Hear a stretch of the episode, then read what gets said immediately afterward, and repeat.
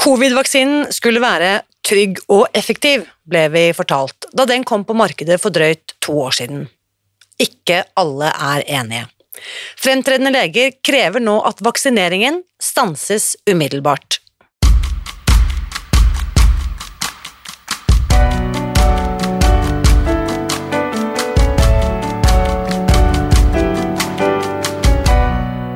Mitt navn er Irina Lie. Jeg er journalist og forlegger, gründer og sosial entreprenør. I 2015 spiste jeg meg fri fra overvekt og fedme etter å ha slitt med vekt, kropp og følelser i nesten 30 år.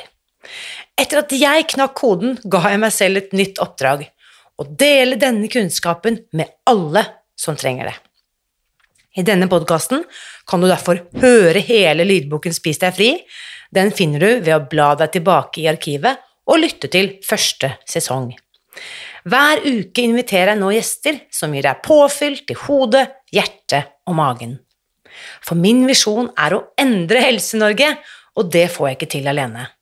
Du bidrar ved å abonnere på podkasten, skrive en omtale i iTunes og tipse meg om hvem jeg burde invitere hit. Da setter vi i gang med ukens episode. Samtalene du skal få høre i dag, kan være krevende og skremmende å lytte til. For de medisinskfaglige funnene kardiolog Asim Malhotra fra Storbritannia og patolog Ryan Cole fra USA forteller om i ukens episode, har du kanskje ikke hørt om tidligere. Disse opplysningene kan virke overveldende, og jeg vil derfor advare deg allerede nå, før vi begynner. Eller kanskje du allerede nå kjenner at du blir provosert eller irritert over at vi fortsatt må snakke om vaksinen, to år etter at den ble rullet ut her til lands. Hvis du kjenner deg igjen i noe av dette, enten det er snakk om følelser av uro, redsel eller irritasjon, så foreslår jeg rett og slett at du hopper over dagens episode, eller venter med å høre på denne til du føler deg nysgjerrig eller kjenne på litt mer overskudd. For vaksinering, og særlig covid-vaksinering, det er et krevende tema. Derfor tenker jeg også at det er desto viktigere at vi snakker om det, og det har jeg altså tenkt å gjøre i dag. Før jeg slipper til ukens gjester, så vil jeg gjerne legge til følgende. Jeg deler ikke disse samtalene for å provosere noen, Provokasjon det er et virkemiddel jeg overlater til eh, aktivister og kranglefanter. Jeg er ingen av delene. Jeg definerer meg først og fremst som journalist, kunnskapsformidler og kall meg gjerne nysgjerrig medborger. Når jeg lurer på noe eller kommer over noe jeg ikke forstår, så stiller jeg spørsmål. Og denne retten, retten til å stille spørsmål, den vil jeg verne om. Selv om du har hørt meg si at min visjon er å endre Helse-Norge, så er ukens episode heller ikke ment som kritikk av myndighetene, selv om jeg har sterke meninger om mange av tiltakene som er blitt iverksatt siden mars 2020. 2020. Eh, Mitt ønske denne uken er rett og slett at du som lytter, stopper opp et øyeblikk og tenker deg om. Kanskje kjenner du at noe skjedde med deg etter at du tok den første eller andre eller tredje dosen. Det kan være så vagt som udefinerte smerter i kroppen, hodepine, svimmelhet eller uvanlig trøtthet som ikke går over. Det kan også være snakk om andre plager som menstruasjonsforstyrrelser, kontinuerlige blødninger, spontanabort, væskende utslett, pustebesvær, hoste, eller smerter i brystet. Alle disse plagene kan selvsagt skyldes mange ting. Grunnen til at jeg nevner det, er at alle disse tilstandene er listet opp som mulige bivirkninger av vaksinene. Det samme gjelder blodpropper i hjertet, blodpropper i lungene og i hjernen, kreftsvulster som vokser usedvanlig raskt og aggressivt, såkalt turbokancer, eh, og for ikke snakke om perikarditt og myokarditt, dvs. Si betennelsestilstander i hjertet, noe som har vist seg å særlig ramme unge menn. De to legene du skal få møte i dag, frykter at veldig mange flere vil bli alvorlig syke og i verste fall miste livet dersom ikke vaksineringen stanses umiddelbart. Jeg vet ikke hva som er rett eller galt, og i den overveldende strømmen av informasjon og desinformasjon som har preget samfunnet vårt de siste årene, er det ikke alltid lett å orientere seg. Mitt beste råd til deg som sliter med noen av disse symptomene, eller som har opplevd at noen du er glad i, har blitt alvorlig syke eller mistet livet påfallende kort tid etter å ha blitt vaksinert, mitt beste råd til deg, det er å snakke med noen. For jeg vil at du skal vite at du er ikke alene. Og hvis det er sånn at den første du henvender deg til, ikke vil høre på det du har å si, eller mener at dine bekymringer er ubegrunnet, så finn noen andre å snakke med. Og hvis ingen vil høre på deg, verken familien din, vennene dine, kollegaene dine eller fastlegen din, så jeg deg om å sende en e-post til support krøllalfaspisdegfri.no merket vaksine, eller spille inn en lydmelding på Messenger og send den til meg. For jeg vil at du skal vite at jeg vil høre på deg. Jeg vil lese og lytte til det du har å si. I et eh, demokratisk samfunn som Norge skal være, tenker jeg nemlig at det viktigste er at motstemmene blir sett, hørt og lyttet til. I dag skal du få møte to av dem. Her er ukens første gjest, dr. Asim Malhotra. So I wanted to, for, before we get into the reasons why you're here, tell me a little bit about your background, uh, Dr. Malhotra, because you have had a long career as a cardiologist in the UK. Yeah, sure. I, I'm a consultant cardiologist. I've been a qualified doctor for 20, almost 22 years now, qualified in Edinburgh Medical School 2001. I've been a practicing cardiologist for um, a decade. I subspecialized initially into interventional cardiology, so that involves, in layman's terms, keyhole heart surgery or putting stents in. Um, and then my my area of interest and expertise as a cardi- as a clinician is really in the prevention, management, and even potential reversal of heart disease. So I've been doing a lot of work there to try and shift the understanding of the paradigm. That's usually through publishing in medical journals and my own research. Um, but I'm also a public health campaigner and activist, um, and I've been doing this activism on two major areas. One is to highlight the excesses and manipulations of the food industry, and the other is also the same applied to the pharmaceutical industry because I believe these two big industries are really, and the, the way they operate, the, the legal environment in which they operate, um, Um, is at the very root of our healthcare crisis. Right. So let's take address the food industries first, because you're one of the few doctors I've found globally who actively speak out against sugar tell me about your how did you discover sugar? What, when did you understand that sugar is a villain? So so for me the reason the motivation behind my activism started in um, just first and foremost my own observations as a clinician um, since i qualified in 2001 that um, we were seeing more and more people coming in with chronic disease more people with obesity related conditions more stress on the system more mental health problems more physical health problems. So for me i wanted to look at the root of that and I looked at it from a, a, the perspective also the fact that despite so called modern science, in quotes, or modern medicine, why have we not managed to curb heart disease? Why has that not, uh, we, have we not made any big impact in reducing the prevalence of heart disease? Death rates have gone down um, primarily because of actually tobacco control, hmm. which many people don't know. Uh, so for me, when I went into that process of understanding it, I soon soon discovered first and foremost that diet is a huge impact when it comes to heart disease. Probably 50% of coronary heart disease can be attributed to poor diet. And the question is, what was there a, was there a particular culprit that was um, driving out, that, driving, yeah. standing out, or Yeah. driving that, and and uh, and again, without boring with all the details, but I spent time researching and publishing and realizing that you know that um, sugar is the new tobacco. I've evolved since then. Sugar is still part of the problem, but actually since then, I would say that we've got a better understanding, certainly where we are now, probably what is the main dietary driver of obesity and diet-related disease, which also affects people of normal weight, is ultra-processed foods. Right. Which also often come combined, right? You often find a lot of sugar. Seventy percent of ultra-processed foods has uh, added sugar. Right. I read somewhere that 50% of what Britons, the Brits eat are actually ultra processed. Yeah, 50% of the calories in the British diet and about 60% of the calories in the US diet. So there is a good good correlation of uh, countries with a higher consumption of ultra processed food and um, obesity uh, rates, uh, type 2 diabetes as well, for sure. Um, and uh, in addition to ultra processed food, we shouldn't forget, um, you know, the excess consumption of low quality carbohydrates Right. as well.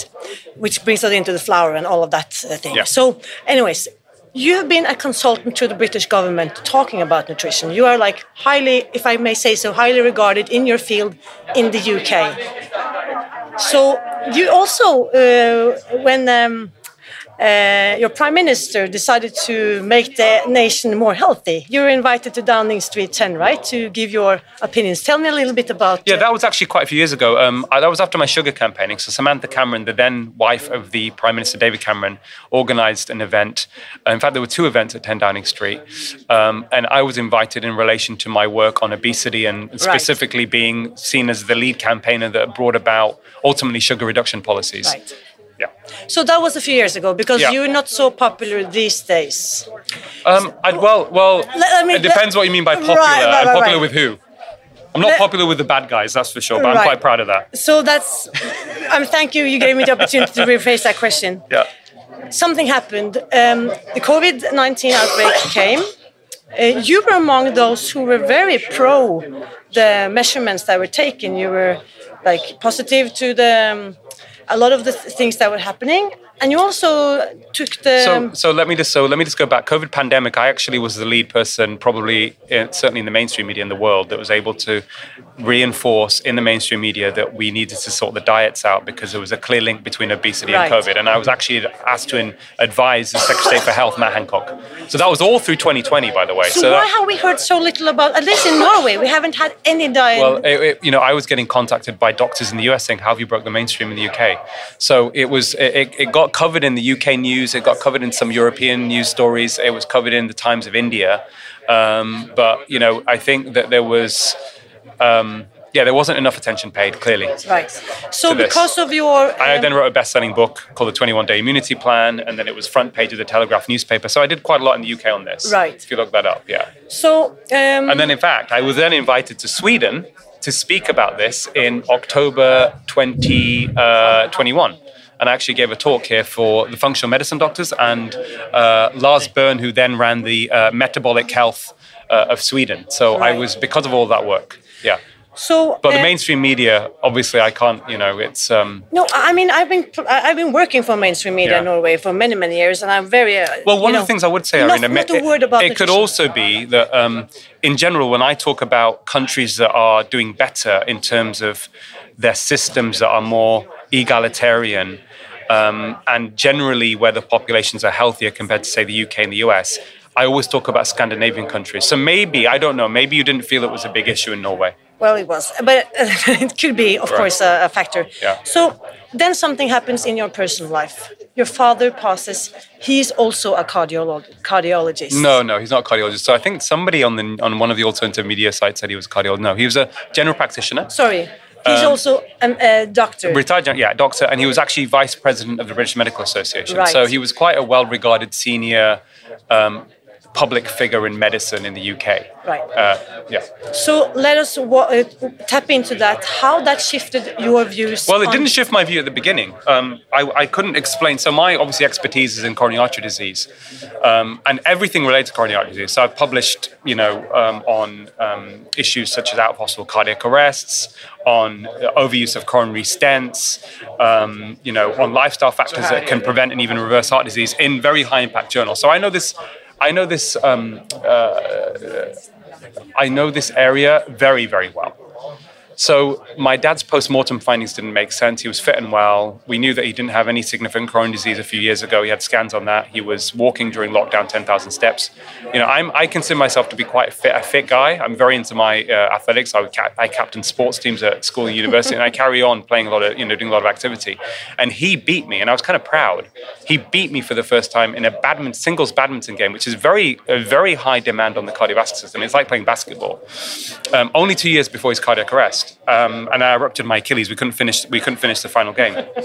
And the reason I'm mentioning that is that we know that somebody like him is not in the category where you have something called silent angina. It's unusual that he would have severe disease and it wouldn't be picked up. And we also had scans done a few years earlier. So his post-mortem showed two severe narrowings. There was no heart attack. And the way that he died and the way that he presented, I was on the phone to him with a bit of mild chest discomfort and then suddenly collapsing, is also slightly unusual.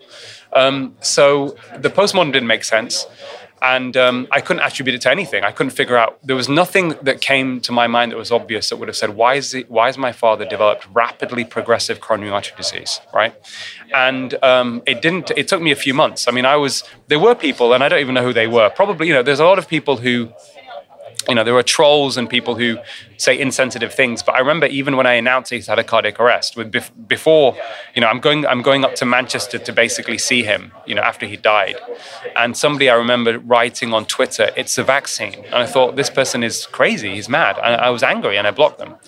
So I didn't even consider it to be the vaccine. And this uh, was the summer of 2021, right? J- July 26, 2021. And, uh, and then I was in Sweden in October 2021, and the Times newspaper called me and they said, Dr. Malhotra, um, you're an expert in this area, leading figure. Um, we've now had reports of a 25% increase in heart attacks from some hospitals in Scotland, and they don't know what's causing it. What do you think it could be? Now, I said, actually, I would have predicted probably some impact on the development of heart attacks and coronary artery disease because of the fact of lockdown stress and poor diet. Mm. So that, was a, that is a factor for sure. Um, but and I said that's probably the most likely factor. And she asked me, interestingly, the journalist, what about the vaccine? I said, well, listen, I would, it would be naive, and I would not be a good scientist to exclude any potential cause, but I think it's highly unlikely. Right. After that, multiple bits of data started emerging, and people want to, want to read about that. I wrote about it in the Journal of Insulin Resistance Open Access uh, peer reviewed paper that I wrote 10,000 words and walked people through my journey. But essentially, since then, Irina, the evidence has become very clear from multiple bits of data randomized control trial data, pharmacovigilance data, high quality observational data, clinical experience, autopsy data, pointing very strongly to a causal link with the mRNA vaccines and problems to the cardiovascular system. The three biggest ones are uh, myocarditis, which can also sometimes result in sudden cardiac death.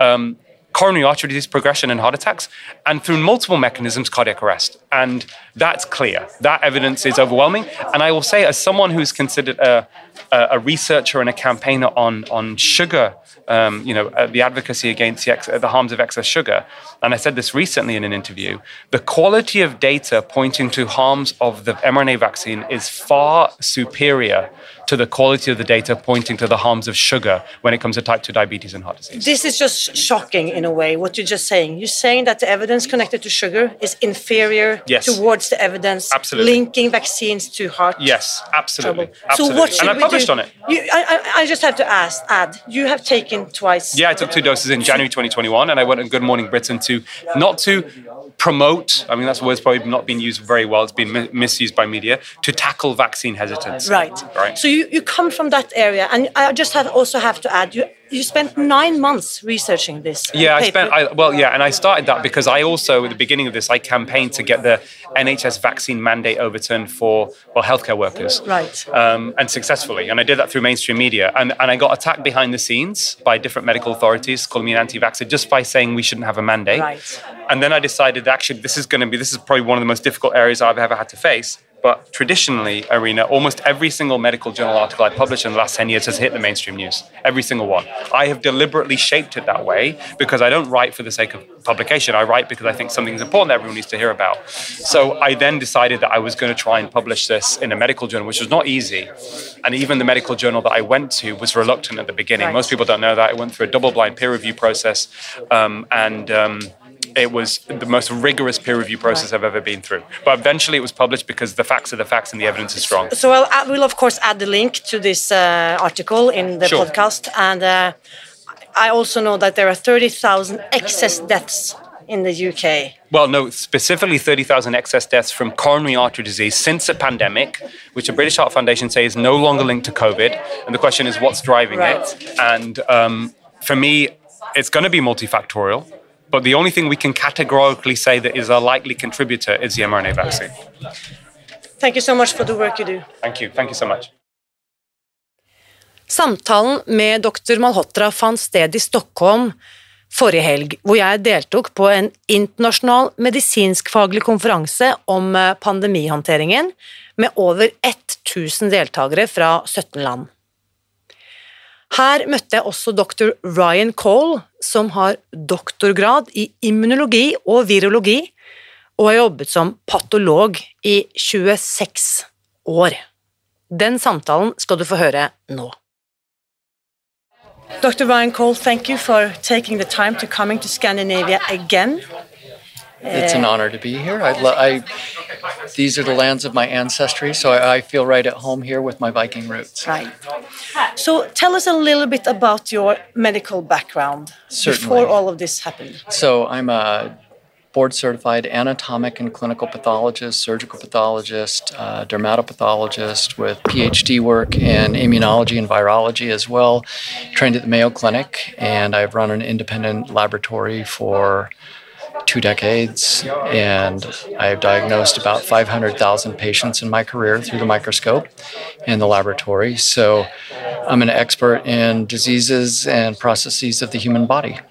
So, just to give us like the Hollywood reference, if there is a crime scene and something has happened and they need to take an expert into the law of, uh, you know, uh, into the courtroom, they would find someone, an expert like you, to tell the, the jury what really happened. I diagnose the patterns in the human body, whether it's blood, whether it's infectious disease, whether it's uh, cells, tissue samples. That's that's my job is to diagnose the patterns. Right. And if they need expertise in damage to the organs of the body or any part of the human body, that's the pathologist is.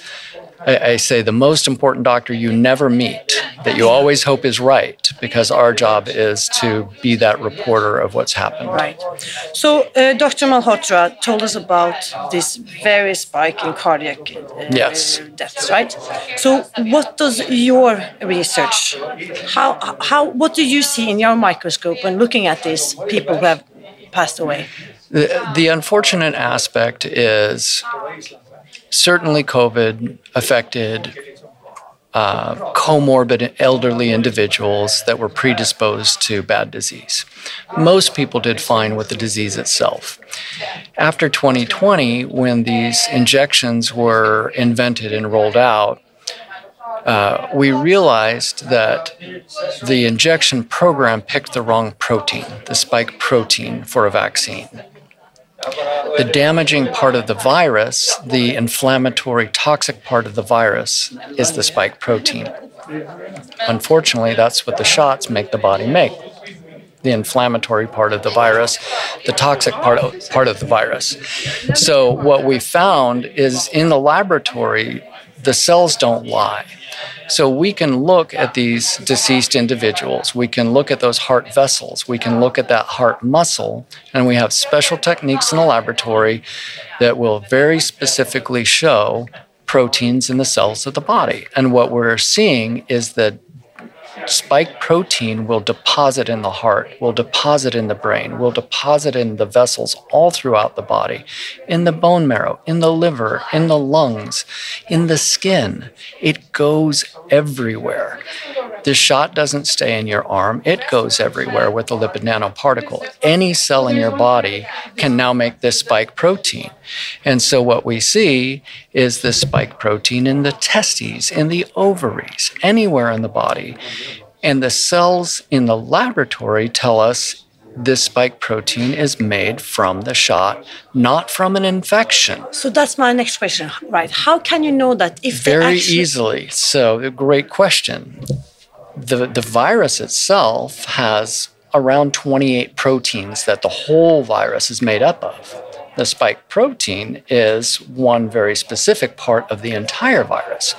If I stain in a laboratory looking for the presence of those other proteins and they don't show mm. up under the microscope, but the spike does, then we know it's vaccinally induced. If I were to stain and see spike protein, but also see nucleocapsid and membrane and envelope, well, then I could say, well, this damage is from an infection with the virus. But when I stain and I only see that spike protein, now I can say, hmm, here's the smoking gun. This is the only protein present. All those others are absent. This is vaccine spike, not viral spike. So could you say, could you give this any number, like of the patients you have? It's a significant number of individuals that have passed, you know, shortly or within a month or two after their shot it, it depends, you know, the case series I have looked at in my laboratory versus, say, some of the German pathology groups and other European pathology groups. It's anywhere from 40 to 80% of those that we've examined, we can show that the vaccine directly caused their passing, their death. So, and how many? Because there are, of course, like we call them in Norway, black numbers, like numbers you don't, you're not aware of, right? So, of like, let's say a thousand patients passing how many would you say you get to your clinic? Because only a few of them are actually coming to a pathologist. That's the right? biggest problem is health officials around the world have discouraged autopsies from being done. You cannot find what you don't look for. So if you are telling the hospitals or the administrators of the health systems don't do an autopsy, it's because they're covering something up, they're hiding something science. So just a very few percent very few of people who are, die are, are, are getting autopsied at all. And this is the tragedy: is why in the era of a supposedly novel new virus and a novel new injection platform, would you not want to investigate absolutely everything, every sudden death and any unexpected death in a younger patient, even the older patients, should be investigated. That's how we do science. That should be funded, not the funding for advertising your next best shot, all the money should go into the research so we understand what's happening to, to the human body. So, why what do you think? What's your theory on why this isn't done? Why don't we un, uh, like research and, and do an autopsy of everyone who has a, a, a strange death uh, lately? I, I, think there's a lot of cover up happening, corruption. Follow the money. Follow, Follow the, the, money. money. I, I, you know, I can't answer the why. I can conjecture, but at the end of the day, if this were really about a virus and really about true science, we would be doing them. We would be doing the autopsies, the full tissue investigations. We would look for the safety or the harm of these injections. And we would absolutely be doing real science. And we're not. And that's, that's the frustration. If you won't do the science, it means you're hiding something. Right. Simple as that. And if someone should be hiding something, who is responsible? I think there are a lot, lot of large organizations, a lot of governmental officials across the world that were complicit as groups. I don't know who conspired behind closed doors or if it was just a, a group think of a lot of people being talked into uh, talking each other into some big plan. I don't know. I can't. I, I can tell what's happening in front of me with the science. I don't know who put this together. I know some people have ideas. But you know the Fauci's, the Collins, uh, the Peter Marks of the world, um, the people in the Department of Defense in the United States that have pushed this program. I think there's some intelligence agencies. I think some of my other colleagues can speak to that better. But there are corrupt individuals who have held the truth from the people of the world. So let me ask you this: um, for those listening who already have taken the shot, yes, or have uh, loved ones who have mm -hmm. gotten uh, severe adverse reactions. What would you say to them? I would say if I'm not here to judge anyone. If you've gotten one shot, don't get a second. If you've gotten a second, don't get a third, etc. If you haven't gotten one, never get one. Mm -hmm. Most people, thankfully, have done okay so far. My biggest concern is chronic uh, autoimmune health problems in the long term. Right. What, what could that be? Oh, you know, whether it's uh, chronic inflammation of the joints like arthritis or chronic thyroid disease or, or gastric disease or colitis or um, just weakened immune system that makes you more susceptible to other viral infections. Mm-hmm. It's it's the weakening of the immune system that worries me. The good news is the bad bad manufacturing in the early rounds of shots led to basically batches that didn't have much effect at all because they weren't inspected, they were ramped up too quickly. A lot of people are fine. Those who are injured there are a lot of us here at this conference who have been working together around the world trying to figure out the best therapies and treatments and laboratory findings where we can understand what's happening and, and give hope and try to reverse some of these processes. So don't give up hope is my message. Um, most people, thankfully for now, are okay. But you are your own best doctor. You have to opt to take care of your health don't be dependent on the system coming up with an answer. So, exercise. Stop eating the bad foods that inflame your body. Stop eating the processed foods. Make sure you get out in the sunshine. In the fall and the winter, take your vitamin D. That helps optimize immune function. Uh, be in community. If you don't have a prayer or a meditation practice or a calming practice, find one for yourself. So there are a lot of things you can do to optimize your health. And then obviously, there are those of us that know you're injured and we absolutely care and want to help you. We're not quitting, so don't quit on yourself oh, either. I love that message. One last question, uh, Dr. Cole, because I know that you, uh, like many of the doctors taking part here today, you have been called, you've been given names. Oh, of course.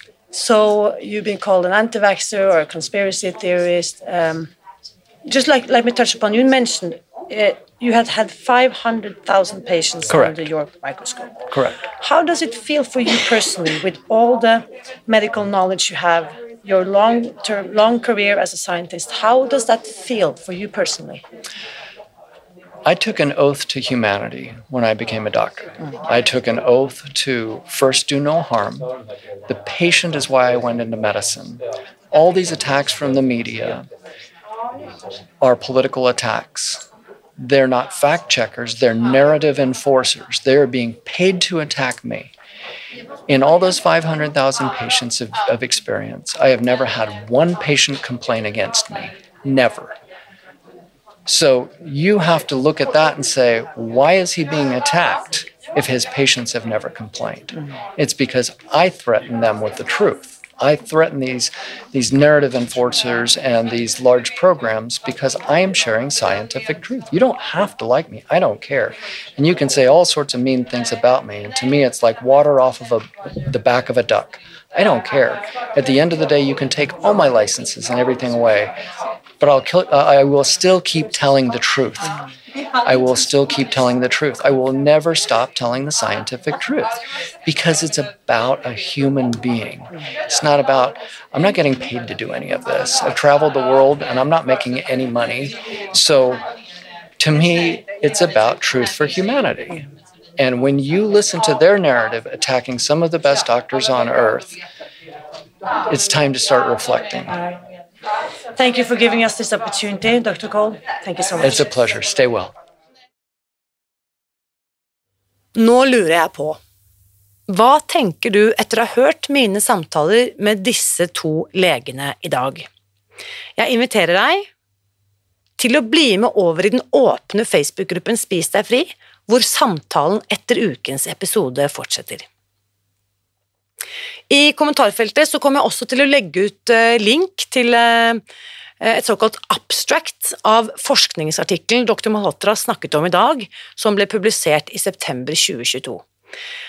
Klikk deg gjerne inn på den linken og gå rett til primærkilden og sjekk hva som står skrevet der. Helt til slutt så vil jeg også minne om det jeg sa innledningsvis. Covid er et brennbart tema, det er jeg fullstendig klar over. Det offentlige ordskiftet vi hadde gjennom vinteren i fjor, hvor motstemmer ble stemplet som antivaksere, konspirasjonsteoretikere og til og med som trusler mot samfunnssikkerheten. Altså, det debattklimaet, det trodde jeg faktisk aldri at jeg skulle få oppleve i Norge. Jeg håper og tror at takhøyden er større nå, og at vi kan snakke om disse temaene uten å sette fyr på alt som heter folkeskikk. Så før du går bananas i kommentarfeltet, enten du mener det ene eller du mener det andre, så ber jeg deg huske dette. Vis respekt for andres meninger og andres erfaringer. Det er ikke for mye forlangt, og det er noe vi alle burde anstrenge oss for å overholde. Som en eh, klok mann skrev en gang, du må ikke tåle så inderlig vel den urett som ikke rammer deg selv. Så hvis du føler deg kritisert, provosert eller irritert etter å ha hørt ukens episode, så vil jeg først og fremst takke deg for at du har holdt ut og hørt helt frem til hit. Av og til er nemlig det viktigste vi kan gjøre for andre, å bare lytte til dem. Så tusen takk for at du hørte på meg i dag. Husk også Uansett hva din magefølelse sier er rett eller galt, så vit at jeg heier på deg. Alltid.